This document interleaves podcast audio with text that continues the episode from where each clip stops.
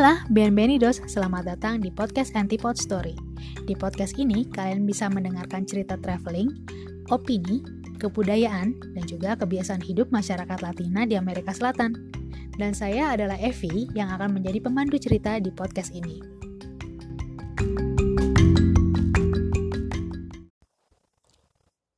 Hai, teman-teman Antipod Story semua, ¿cómo están? Apa kabar? Semoga semuanya baik-baik aja ya. Barengan lagi sama Evi, dan hari ini saya bakal ngebahas sebuah film yang bakalan dirilis oleh rumah produksi Disney pada tahun 2021 nanti. Nah, judul filmnya ini Encanto, dan kenapa saya bakalan bahas film ini? Ya karena filmnya ini tuh bakalan settingnya ada di Kolombia, di negara yang saat ini saya tinggalin. Nah, ada kedekatan kan nih, jadinya saya tuh excited banget mau ngebahas film ini. Nah, uh, sebelumnya tuh Disney sudah mengeluarkan teaser yang kayaknya cuma 20 detik itu. Nah, dari teasernya itu ada beberapa detail yang sudah ditunjukin. Oleh karena itu, saya tuh berpikir-pikir, kira-kira nanti filmnya bakalan seperti apa ya kalau kita ngelihat teaser yang sudah ada itu tapi saya nggak bakalan menuju memprediksi uh, film itu sendirian karena saya akan ngebahasnya dengan salah seorang kenalan saya yang bernama Farid. Beliau pernah tinggal di Kolombia, jadi ada kedekatan juga nih dia kalau mau ngebahas film Encanto ini. Kira-kira menurut Mas Farid bakalan seperti apa ya filmnya? Oke, daripada penasaran, dengerin aja podcast ini.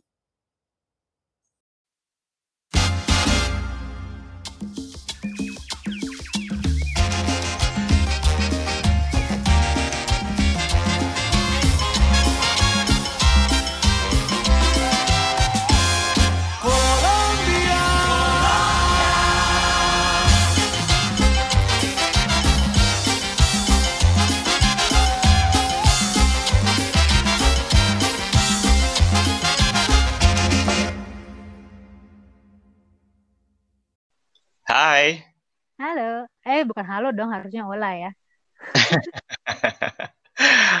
hola, ¿qué tal? Hola, ¿qué tal? Buen, uh, bien, bien. ¿Itu qué más? Muy bien, gracias. Iya, wow. Thank you banget loh mau diajakin ngobrol, Mas Farid. Sama-sama. Thanks for having me.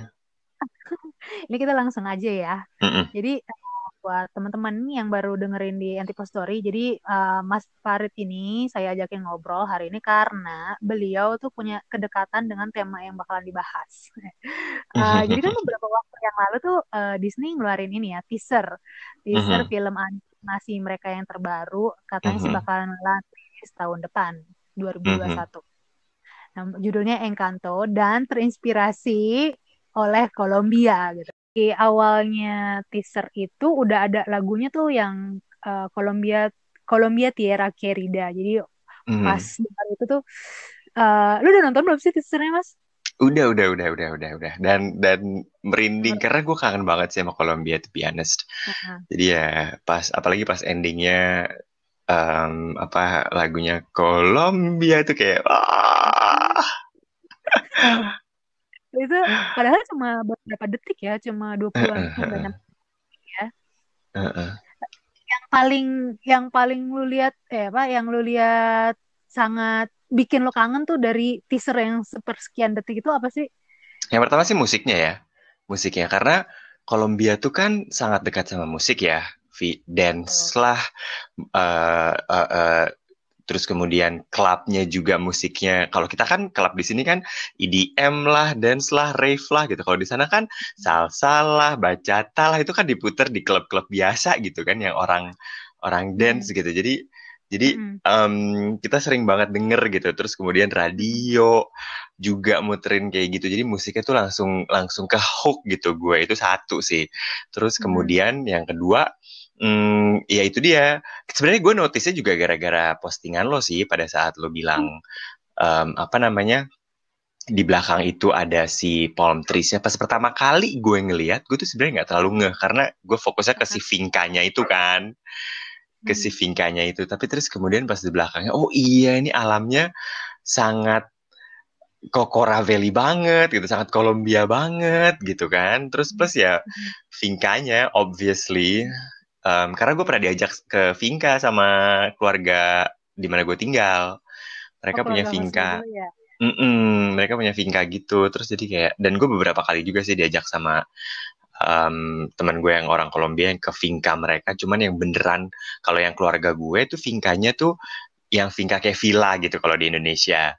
Nah, tapi kalau misalnya yang teman gue itu Vinkanya tuh yang beneran farm gitu. Jadi di belakang Vinkanya, Vinkanya biasa aja, nggak nggak mewah gitu, tapi di belakangnya tuh kayak luas ada sapi, ayam, anjing, pokoknya kayak udah kayak kebun binatang gitu. Eh, nanti jelasin dulu Vinka tuh apa sih buat pendengar yang Oh iya betul. nggak tahu Vinka tuh apa? Jadi gini, kalau kalau uh, waktu gue pertama kali diajak ke Vinka, jadi kayak pada saat si keluarga gue bilang, um, ayo ikut ke Vinka gitu kan, terus gue kayak, Vinka apaan sih? Gitu kan, gue ngerti udah bahasa Spanyol gue belepotan, belum gak bisa bahasa Spanyol juga gitu kan, terus mereka nyebutin Vinka, Vinka gitu kan, weekend ke Vinka ya, weekend ini kita ke Vinka gitu. Jadi Vinka tuh kalau misalnya um, di bagi mereka tuh kayak villa uh, yang mereka kunjungi pada saat uh, weekend dan biasanya Hmm. Vinka itu dimilikin sama satu keluarga besar. Jadi uh, bisa ganti-gantian yang ke sana atau kumpul satu keluarga besar tuh di Vinka itu dan biasanya lokasinya itu memang di luar dari si pusat kota. Waktu kalau gue Hmm. kan tinggal memang di Armenia yang kotanya udah Hmm. kecil ya. Terus udah gitu kecil banget lah anak kota Jakarta ini tiba-tiba tinggal di Armenia itu kultur shock sekali cuman gue happy Um, terus Heeh. tapi keluar kota di luar kota Armenia tuh udah udah kayak farm gitu udah kayak puncak gitu udah kayak Bogor puncak gitu. Nah jadi um, dan biasanya agak kayak pedesaan gitu. Tapi kalau ya yang punya keluarga gue ini Vinganya itu di kompleks mewah gitu. Uh, jadi di samping kanan kirinya tuh juga villa-villa dengan kolam renang, terus udah gitu ada trek buat naik kuda, gitulah. Oh, Ya gitu, itu si Vinka itu. Berarti Tapi kan ada yang juga kayaknya yang farm ya, yang memang Hmm, kayak Vinka tuh kayak peternakan gitu kan, iya.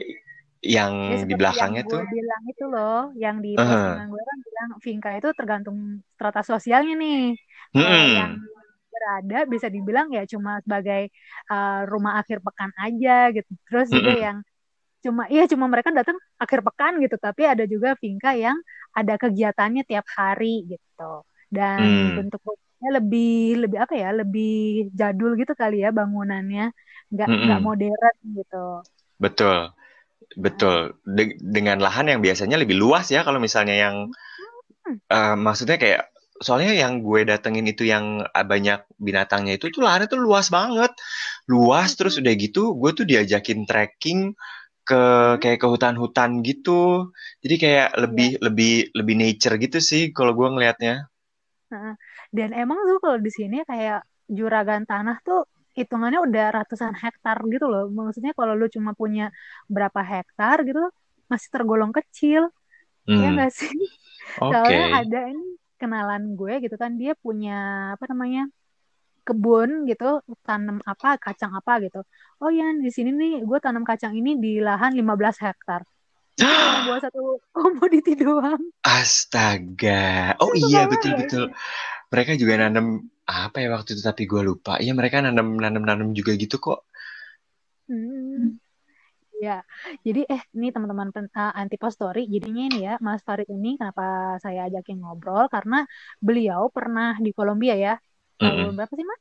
2016. 2000 itu pertama kali kami ketemu. Uh, dan uh, kenapa Mas Farid ini jadi orang penting dalam percakapan hari ini? Karena karena nih kalau teman-teman udah ngelihat uh, teasernya Antipost Story, eh Antipost Story, sorry, teasernya Encanto, di situ tuh di kan gambar awalnya tuh ada rumah gitu kan ya, rumah dengan Mhm, bunga-bunga yang cantik, terus di belakangnya ada palm tree. Itu di sini disebutnya Palma de Cera dan itu adalah pohon palem tertinggi dun- di dunia dan mhm, adalah ikonnya Kolombia ya. mhm. Dan tempat yang paling tepat untuk melihat si uh, Palma de Cera atau pa- uh, wax pa- wax palm Wax ya palms, salah eh, ya. betul. Wax palms. Nah, itu adanya di uh, departamento atau provinsi Kindio di mana Mas Mm-mm. Farid ini dulu tinggal. Merasa feel connected lebay. Tapi emang beneran kayak soalnya kita ke Mm. Salento, oke nama daerahnya kan kayak Salento ya. Kita ke Salento, gue tuh ke Salento Iya. tiga kali loh, Vi, selama dalam waktu empat bulan. Bukan. Jadi Ya gue ampun. gue tuh sebenarnya beruntung banget tinggal di well in a way beruntung ya gue tinggal di Armenia karena bahkan teman gue yang tinggal di Manizales ataupun apalagi yang di Bogota gitu kan agak susah ya mau ke Mm. Kindio kan mesti ya bisa sih naik bus gitu ya cuman mesti naik Iya. pesawat terus udah gitu dari Kindio dari pesawat eh sorry iya dari dari apa dari airportnya mesti ganti travel lagi gitu kan sedangkan gue tuh cuma Mm. 45 menit dan Salento menurut gue Dari is one Armenia. iya dari Armenia itu cuma 45 menit naik ya. naik travel itu Mm-mm.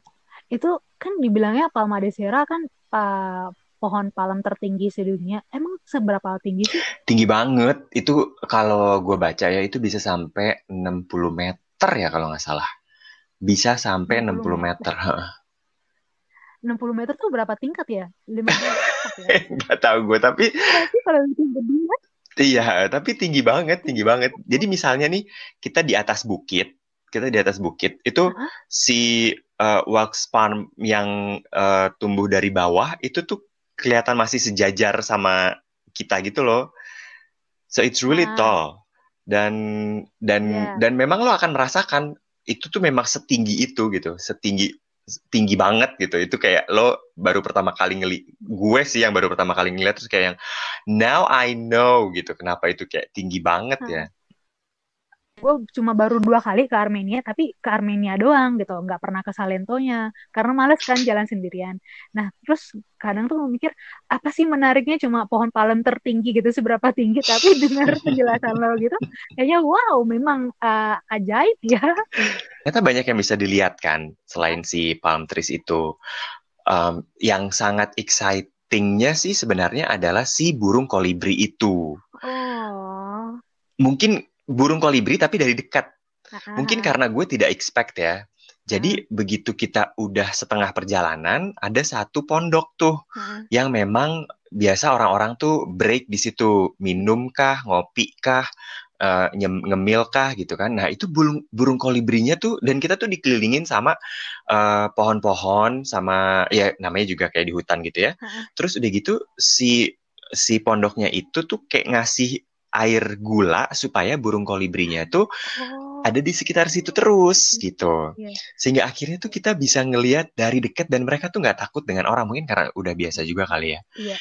Jadi that was like the first time gue ngelihat si burung kolibri itu hummingbird itu dari jarak dekat dan gue bisa foto gitu aduh. tanpa mereka karena kan mereka cepat banget kan geraknya kan banget Eh, dan kecil kan mereka kan Mm, jadi suka kabur-kaburan tapi gue tuh bisa foto gitu dengan dengan handphone apa kamera gue yang seadanya gitu jadi dan itu amazing sih menurut gue soal soal si Encanto ini kan tadi kita udah bahas soal uh, palm tree-nya.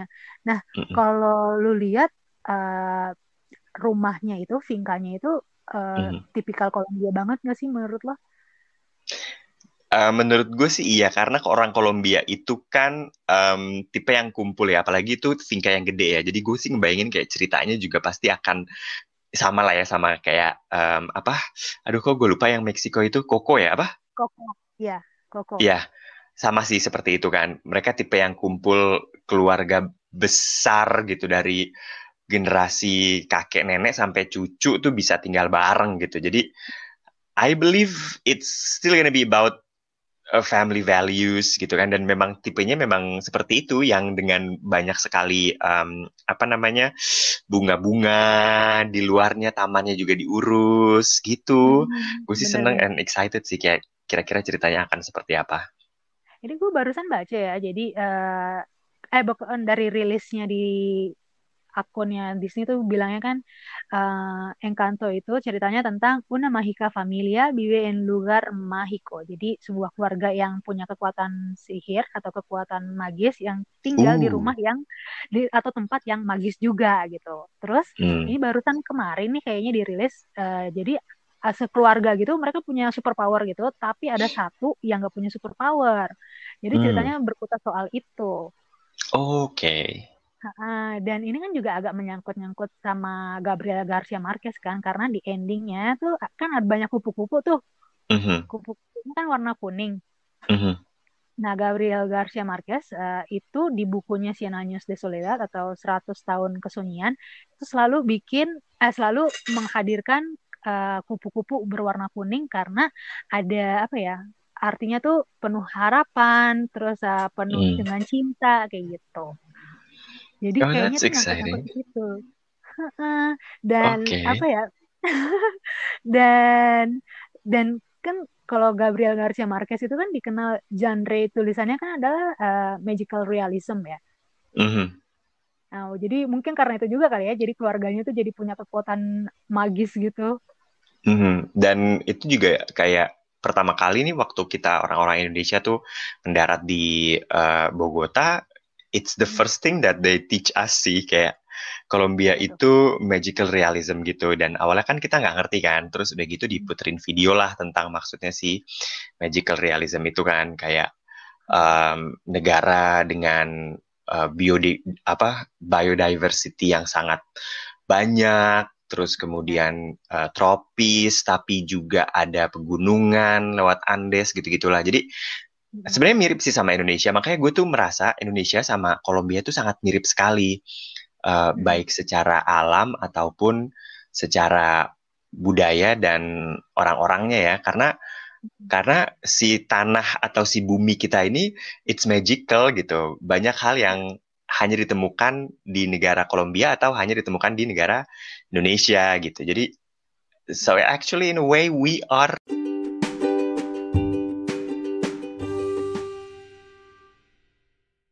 Kita udah bahas soal uh, tree-nya. Nah, Mm-mm, kalau lu lihat uh, rumahnya itu, finkanya itu uh, mhm. tipikal Kolombia banget nggak sih menurut lo? Uh, menurut gue sih iya karena ke orang Kolombia itu kan um, tipe yang kumpul ya apalagi itu finca yang gede ya jadi gue sih ngebayangin kayak ceritanya juga pasti akan sama lah ya sama kayak um, apa aduh kok gue lupa yang Meksiko itu Koko ya apa Koko. Ya, Koko. Iya sama sih seperti itu kan. Mereka tipe yang kumpul keluarga besar gitu dari generasi kakek nenek sampai cucu tuh bisa tinggal bareng gitu. Jadi I believe it's still gonna be about uh, family values gitu kan. Dan memang tipenya memang seperti itu yang dengan banyak sekali um, apa namanya bunga-bunga di luarnya tamannya juga diurus gitu. Hmm, gue sih seneng and excited sih kayak kira-kira ceritanya akan seperti apa Ini gue barusan baca ya, jadi eh eh bukan dari rilisnya di akunnya Disney tuh bilangnya kan eh Encanto itu ceritanya tentang una mágica familia vive en lugar mágico. Jadi sebuah keluarga yang punya kekuatan sihir atau kekuatan magis yang tinggal di uh rumah yang di atau tempat yang magis juga gitu. Terus ini hmm. barusan kemarin nih kayaknya dirilis eh, jadi eh, sekeluarga gitu mereka punya superpower gitu, tapi ada satu yang nggak punya superpower. Jadi Hmm. ceritanya berkutat soal itu. oke Ah, dan ini kan juga agak menyangkut-nyangkut sama Gabriel Garcia Marquez kan, karena di endingnya tuh kan ada banyak kupu-kupu tuh. Mhm, Kupu-kupunya kan warna kuning. mhm, Nah, Gabriel Garcia Marquez eh, itu di bukunya Cien Años de Soledad atau 100 tahun kesunyian itu selalu bikin eh, selalu menghadirkan eh, kupu-kupu berwarna kuning karena ada apa ya? Artinya tuh penuh harapan, terus eh, penuh hmm. dengan cinta kayak gitu. Jadi oh kayaknya tuh exciting situ. Heeh. Dan oke apa ya? Dan dan kan kalau Gabriel Garcia Marquez itu kan dikenal genre tulisannya kan adalah uh, magical realism ya. Mhm, Nah, jadi mungkin karena itu juga kali ya, jadi keluarganya tuh jadi punya kekuatan magis gitu. mhm. dan itu juga kayak pertama kali nih waktu kita orang-orang Indonesia tuh mendarat di eh, Bogota, it's the Hmm, first thing that they teach us sih kayak Kolombia itu magical realism gitu dan awalnya kan kita nggak ngerti kan terus udah gitu Hmm, diputerin video lah tentang maksudnya si magical realism itu kan kayak um, negara dengan uh, biodi apa biodiversity yang sangat banyak terus kemudian uh, tropis tapi juga ada pegunungan lewat Andes gitu-gitulah jadi sebenarnya mirip sih sama Indonesia. Makanya gue tuh merasa Indonesia sama Kolombia tuh sangat mirip sekali, uh, hmm. baik secara alam ataupun secara budaya dan orang-orangnya ya. Karena hmm. Karena si tanah atau si bumi kita ini it's magical gitu. Banyak hal yang hanya ditemukan di negara Kolombia atau hanya ditemukan di negara Indonesia gitu. Jadi so actually in a way we are somehow connected sih menurut gue gitu. Kira-kira kalau di Encanto menurut lo bakalan ada mm, magical realism bak seperti apa yang bakalan ditunjukin? Hmm, that's a good question. Uh, mungkin tiba-tiba uh, mereka punya kekuatan powernya dari cara mereka berdansa, cause that makes sense. Atau tiba-tiba ada iya, yang karena karena I never see people yang ngedance passionate orang-orang Kolombia loh. Mm-hmm. Kalau atau mungkin gue kurang traveling kali di Indonesia ya, tapi orang Kolombia tuh beneran from head to toe, mereka tuh bisa mm-hmm. menggerakkan tubuhnya gitu loh. Bahkan mm-hmm. orang yang nih gue bukannya stereotyping sih, cuman kadang kita ngelihat kayak orang yang muscular gitu kan, cowok muscular gede gitu, but dance pada saat dia dance itu kayak langsung eh, berubah gitu, langsung berubah. Yang pinggulnya goyang lah, and and and they're not ashamed to show it gitu. And I think that's the that's the culture ya, that's the culture bagi mereka itu memang memang seperti itulah dance gitu. Jadi so probably there is a superpower that uh, si orang Kolombia ini melakukan itu. I don't know, mungkin aja. Benar-benar lucu banget. Terus apa lagi kira-kira? selain bisa joget? Selain itu mungkin dari um, apa ya alat musik mungkin juga atau menurut lo apa emang? Enggak, gue juga nggak tahu. Tapi pas lu bilang bisa joget, iya banget itu pasti ya bakalan si orang Kolombia gitu yang joget joget. Karena kan di sini mereka nggak bisa dengar musik gitu ya, pasti bakalan gerakan ya. Jadinya uh, gue sih bakalan kebayang walaupun ya misal nih nggak ada nih super powernya bisa joget atau gimana gitu pasti bakalan banyak tarian di film ini. Uh, uh, betul. Hmm. karena mereka meng, meng apa ya uh, mereka tuh kayak punya banyak gue aja empat bulan tuh kayak nggak habis ya. Padahal gue ikut dance course gitu di um, di kampus. Terus hmm. udah gitu itu kayak dua kali seminggu dan itu nggak habis-habis. Nggak bisa habis maksudnya kayak tipe dance yang dikenalin sama si guru gue. Guru gue tuh yang tadi gue bilang cowok muscular itu itu cowok apa guru gue. Kayak gede hmm. terus muscular gitu terus tapi begitu dia dance oh my god. It's like your attention tuh cuman ke dia doang dan and and there's nothing there's nothing apa ya there's nothing sensual about it. It's just the way he moves gitu. There's nothing yeah. uh, Iya, yeah, there's nothing feminine about it. It's just the dance. Memang seperti itu. Ah, bener bener bener banget. Apa ya? Uh, gue juga pernah lihat tuh ya. Ada orang yang mukanya tuh kayak pemalu gitu loh, yang aduh ini orang kayak susah diajak ngobrol ngomong gitu kan ya karena karena emang dia pendiam gitu. Cuma pas dia joget, astaga, bo itu kayak kok bisa begitu ya? ini orang yang sama apa enggak gitu? Iya, eh, lo pernah ke klub gak sih Vi di Kolombia? Belum, belum pernah. Oke, okay, gue pernah tuh uh, ke klub di Armenia kan. Itu udah kota kecil, ada klubnya lagi. um, Karena gak bakalan nggak apa sangat suatu apa suatu kemustahilan gitu kalau nggak. Betul betul betul ya. betul betul dan rame banget. Dan gue kan juga uh, beberapa kali ke klub di Jakarta ya. Itu beda banget kulturnya. Kalau misalnya di Jakarta kan kita masuk jam 9, jam 10 tuh orang masih diem-diem gitu kan, masih malu-malu gitu kan, baru baru rame tuh kayak jam 12, jam 1 gitu.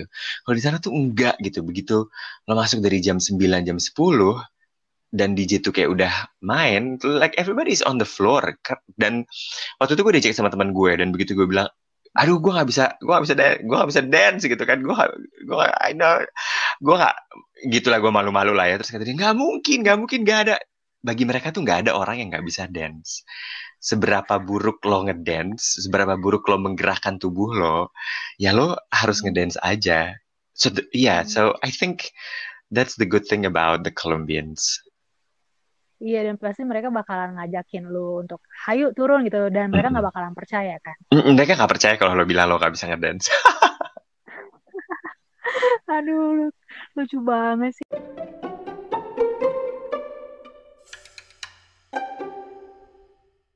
Karena temanya di Kolombia nih Encanto, kira-kira kalau mereka ngomong ada nggak sih catchphrase ya, atau idiom-idiom Kolombia yang bakalan muncul di film itu? Kalau lu tebak-tebak nih, kira-kira apa aja catchphrase yang bakalan ada di situ? Of course, kece bere.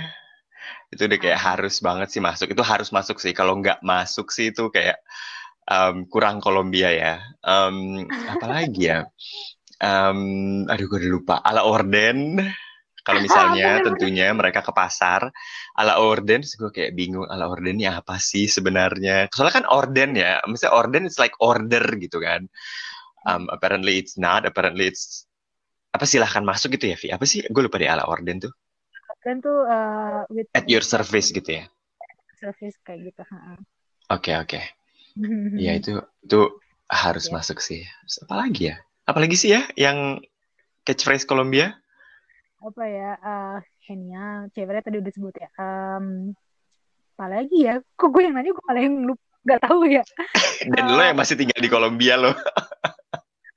Gue masih bisa pakai ini dong uh, alasan karena lockdown ya jadi jarang ketemu sama orang. Atau ini kali ya uh, buenasnya gitu. Buenas saat menyapa gitu kan mereka nggak nggak olah atau komunista tapi lebih ke buenas hmm. gitu. Oh iya betul betul betul. Dan mereka tuh kalau misalnya nanyain kabar nyapa tuh nggak cukup dengan satu satu frase ya nggak sih? Lo nggak bisa cuman kayak kalau kita kan eh apa kabar? gitu atau eh WhatsApp gitu kan. Mereka nggak mereka tuh kayak hola qué tal? Cómo vas? Bien oh, oke okay? Iya. gitu. Itu kayak oh bener bener bener bener. How do I respond to that? gitu.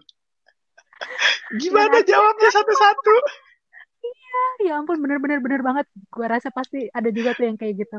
And terus gue kebayangnya tuh ada satu karakter cewek sebenarnya nggak bukan cewek tipikal Kolombia yang uh, uh, apa bahenol gitu ya? Bukan bahenol yes. pokoknya curvy gitu. Terus yang gaya ngomongnya kayak lu tadi tuh kayak gitu.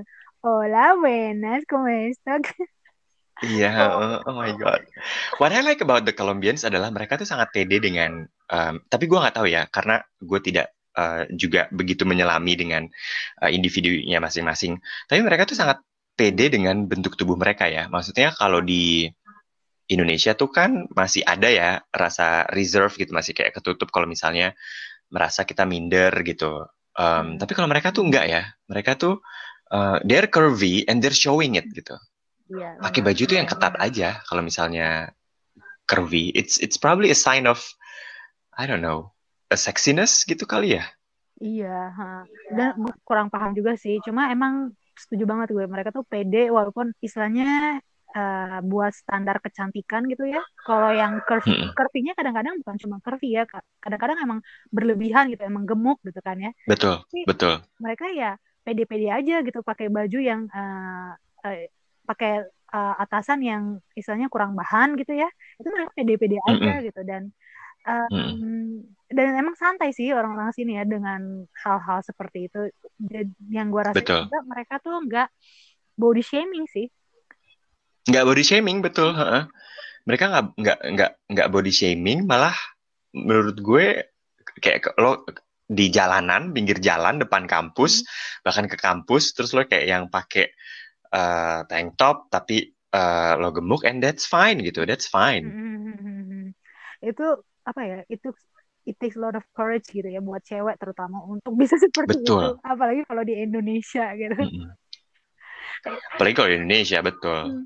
nanti di Encanto juga ada nih apa namanya karakter seorang pasti pasti harus ada sama kayak Koko kan ya iya. ada si nenek itu uh-huh. karena nenek itu kayak the owner of the finca of the house mm-hmm. of the family gitu loh semua tuh harus lewat nenek mm-hmm. uh, bahkan si anaknya mm-hmm. yang cowok padahal nih anaknya cowok mm-hmm. itu um, dia harus harus melakukan apa yang dilakukan sama si neneknya pada saat gue di sana. Hmm. Waktu itu pernah tuh gue uh, miskomunikasi. Jadi gue bilang gini, uh, Nek, gue teman gue mau ada yang nginep di rumah, boleh ya gitu kan? Uh, di kamar. Gue nggak bilang sih di kamar gue itu salah gue. Lo tau nggak apa yang dia lakukan? Dia menyuruh anaknya untuk pindah kamar supaya kamar itu dikosongin supaya teman gue bisa nginep di kamar itu. gue kayak yang, waduh, bukan gitu nek maksud saya. Dia langsung manggil anaknya gitu. Sehingga kamu nanti pindah kamar ya. Kamar itu mau dipakai sama temennya Farid. Oh enggak enggak enggak nanti dia temanku tinggal di kamarku gitu kan. Oh nggak apa-apa gitu kan. Oh iya nggak apa-apa nggak apa-apa gitu kan. Terus kayak gue gak enak padahal si anaknya juga ya bawa bapak gitu udah punya anak juga gitu. Jadi nenek ini udah punya cucu. Udah dewa. Jadi segitunya. Aha. Eh, uh, terus Jadi gitulah. kayak gimana lagi kira-kira karakter seorang nenek Kolombia? Nenek Kolombia itu selalu nawarin semua orang yang dia sayang itu untuk makan atau susu atau coklat atau kopi karena setiap pagi itu dia selalu nyiapin dan dia nyiapin maksudnya dia kayak di dapur like mungkin sama seperti semua rumah mungkin ya cuman dia tuh kayak beneran nyiapin kopi ditanyain kamu mau kopi apa mau susu? Apa mau kopi susu? Udah sarapan atau belum? Dan itu tuh kalau bisa apa mungkin nggak bukan cerewet sih cuman memang begitulah keluarganya gitu ya. Hmm. kayak bangun pagi semuanya tuh ya ditanyain sama dia gitu. Gimana tidurnya? Mau roti atau mau eh, ayam atau mau arepa atau mau aros atau mau apa gitu? Itu gue ditanyain setiap pagi Vi. Nggak bosen ya? Itu satu. Terus begitu juga begitu gue pulang. Begitu gue pulang dari kampus itu pasti gue ditanyain em, gimana sekolah lo? Belajar apa? Hmm. pasti akan ngajak ngobrol. Mm-mm. terus udah gitu mau kopi atau enggak? Terus kalau misalnya gue bilang enggak kenapa kamu selalu menolak kopi saya? Gue jadi nggak enak padahal kan gue bukan memang peminum kopi ya jadi gue minum kopi kayak cuman sekali dua kali gitu Mm. seminggu bilang, kenapa kamu selalu nolak kopi saya saya bikinin susu aja ya kata dia gitu kalau susu oke lah gitu kan terus ya ngajak ngobrol Mm-mm. ngajak pernah suatu hari malam-malam tiba-tiba pintu kamar gue tuh diketok. Eh, karena rumahnya ada balkonnya. Em, gue diajak keluar ke balkon padahal dia tahu gue nggak bisa bahasa Spanyol Mm. Tapi gue tetap diajak ngobrol. That's the way that's the that's the way the concept of mereka memang tidak ada ada ada personal space gitu dan itu memang memang budaya mereka gitu. Ah. dia tahu gue gak bisa bahasa Spanyol tapi gue tetap diajak ngobrol. Itu hari-hari pertama gue tinggal di situ Ah. dia nanya Indonesia tuh gimana? Orang-orangnya kayak apa? Gitu jadi kayak kepo. Ah, benar-benar. tapi kalau lo belajar bahasa Spanyol akhirnya lo jadi cepet bisa sih Iyalah, pasti. sama mereka tuh Gue tuh jadi ingat waktu pas kita ketemuan itu, lu bilang tuh yang neneknya itu selalu aja ngobrol gitu, dan kadang-kadang, aduh gue mau istirahat dulu gitu ya.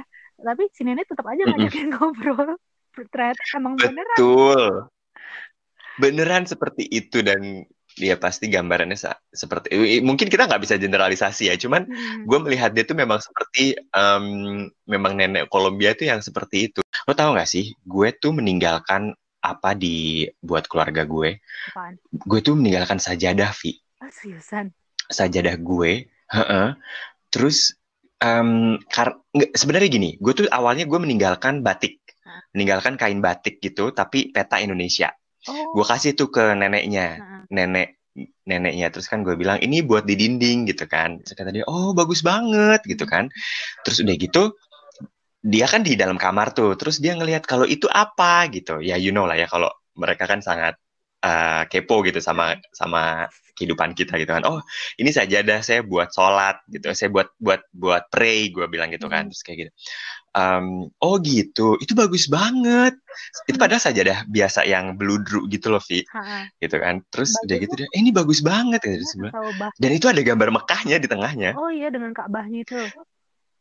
oh iya dengan Ka'bahnya. Terus dia nanya em, kalau kalau ini buat saya boleh nggak? Gitu. Terus gue bilang hah gue kaget loh.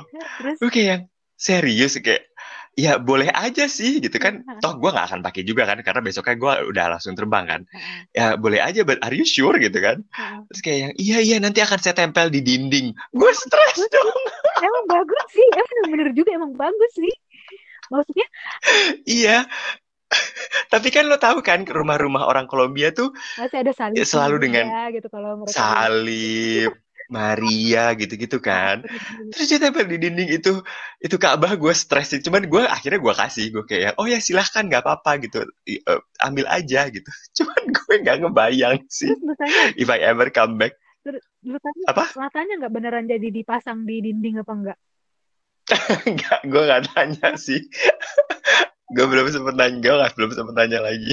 Waktu itu lagi Olimpiade kan 2016 tuh. Bener, terus Brazil ya Uh, uh, terus mereka semua kan nonton tuh di depan TV tuh, semuanya tuh kakek, nenek, hmm.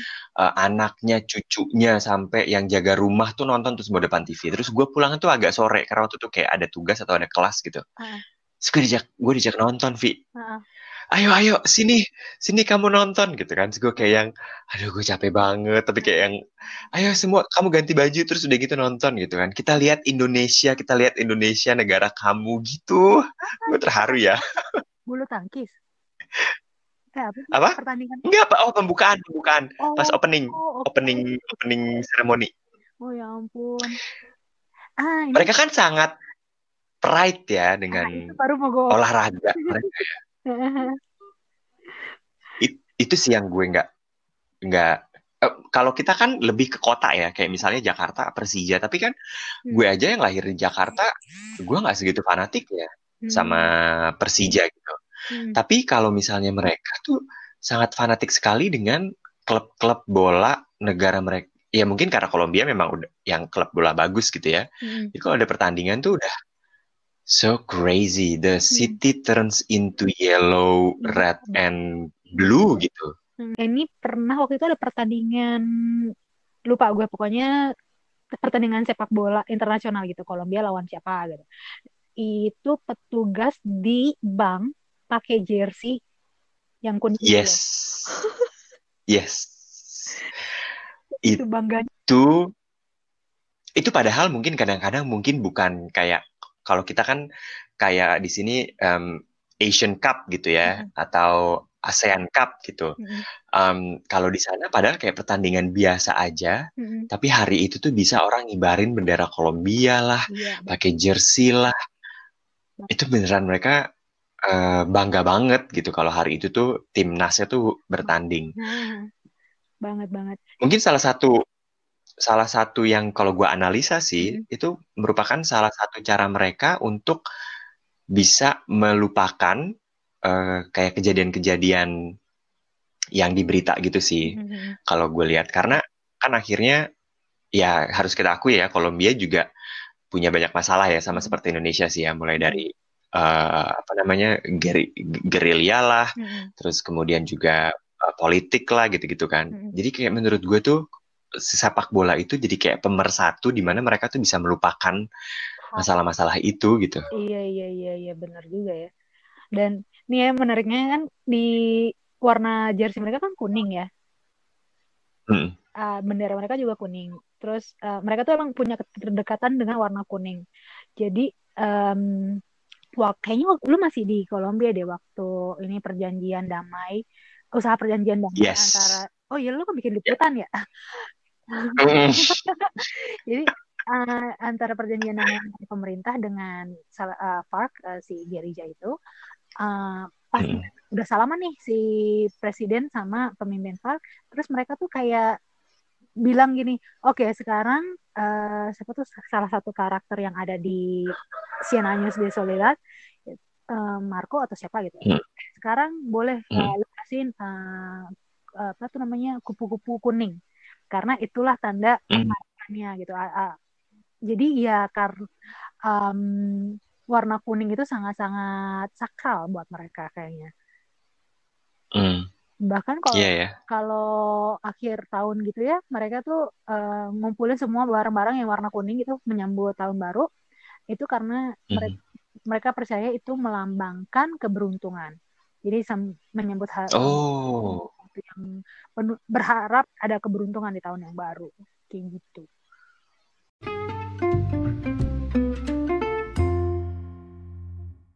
dan ini pas abis uh, rilis ini ya si Disney gitu kan oh pastilah bakalan rame ya yang uh, di Kolombia gitu apalagi mereka dengan hmm. pride yang udah lu sebutin gitu terus cerita negaranya hmm. diangkat oleh sebuah perusahaan besar kan? Dan banyak yang bikin meme langsung gitu loh. Tapi oh yeah. tapi banyaknya tuh meme-nya tuh yang kayak apa ya kayak kritik gitu loh. Jadi mereka bilang kenapa uh, kenapa Kolombia gitu kok kesannya yang bagus-bagusnya yang diangkat? Padahal Kolombia tuh bukan negara yang uh, semuanya bagus ada yang jahat-jahatnya gitu gue dengernya pas gue baca meme ngomong kayak gitu why iya terus ada juga yang bilang uh, uh, lo tau gak sih meme yang uh, cewek marah ke kucing gitu loh yang ceweknya nunjuk-nunjuk gitu Iya tahu. Nah, jadi uh-huh. ceweknya itu dengan bubble text gitu. Ah lu bilang Kolombia adalah negara dengan uh, negara magical realism. Terus uh, bu apa buktinya gitu? Kata dia kata si cewek terus si kucing bilang gini e, iya kemarin ada orang hilang satu kata dia gitu jadi itu karena mm. my, uh, magisnya Kolombia keajaibannya Kolombia adalah bisa menghilangkan orang gitu. tapi sinikal gitu loh karena kan kasus orang hilang mm. atau terbunuh atau apa kan masih ada ya sampai sekarang jadi ya mm. ya ya gue nggak tahu ya gue nggak begitu suka sama apa namanya politik politik kayak gitu cuma ah ya udahlah ini kan film hiburan ya nggak apa-apa lah kalau yang ngangkat yang bagus-bagusnya aja gitu nggak usah bawa-bawa betul, ke betul. politik dan maksud maksud gue kayaknya hampir semua negara sih pasti punya masalah sih hmm.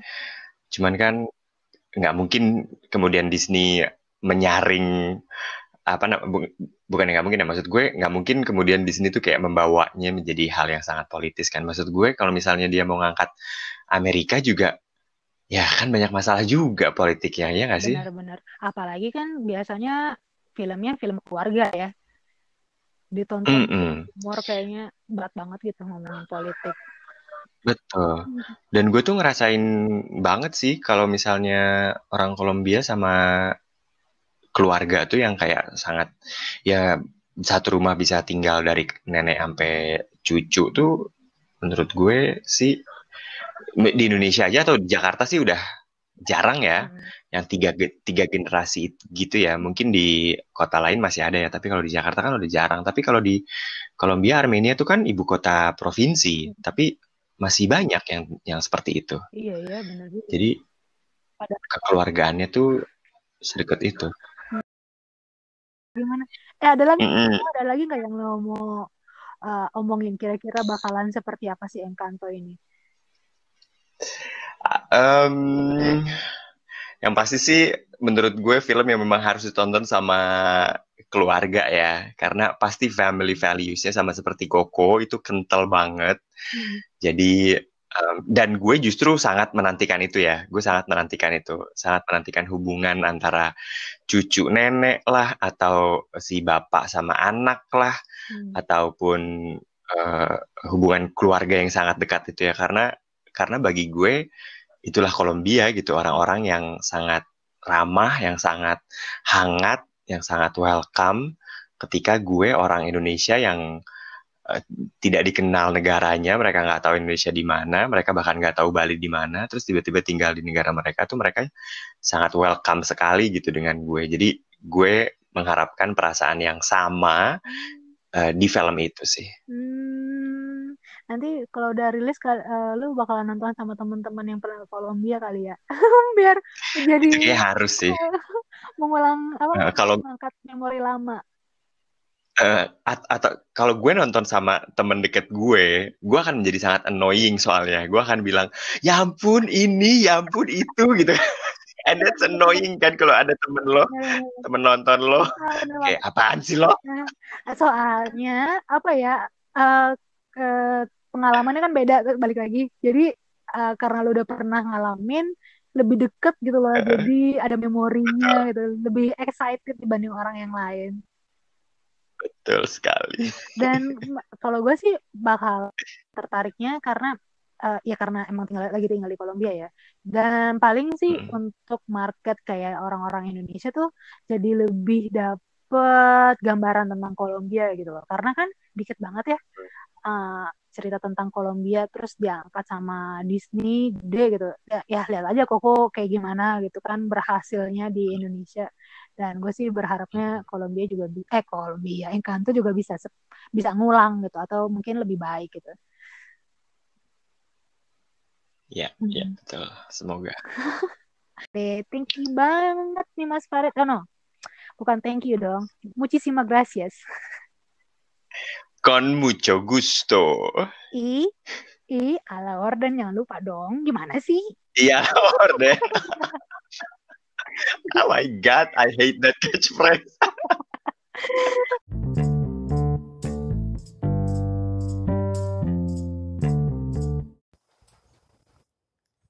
Nah, gimana pendengar Antipostori semua? Pada penasaran gak sih kira-kira filmnya bakalan seperti apa? Wah, saya sih terus terang banget penasaran. Karena ya kapan lagi ya melihat film eh, yang sangat dekat dengan kehidupan saya sehari-hari Nah, kemudian juga kalau kalian pernah tinggal di Kolombia dan punya pendapat lain tentang seperti apa kemungkinan film ini akan dibuat, coba boleh deh dikirim uh, komentarnya di Instagram saya yaitu @evi.d.di.colombia.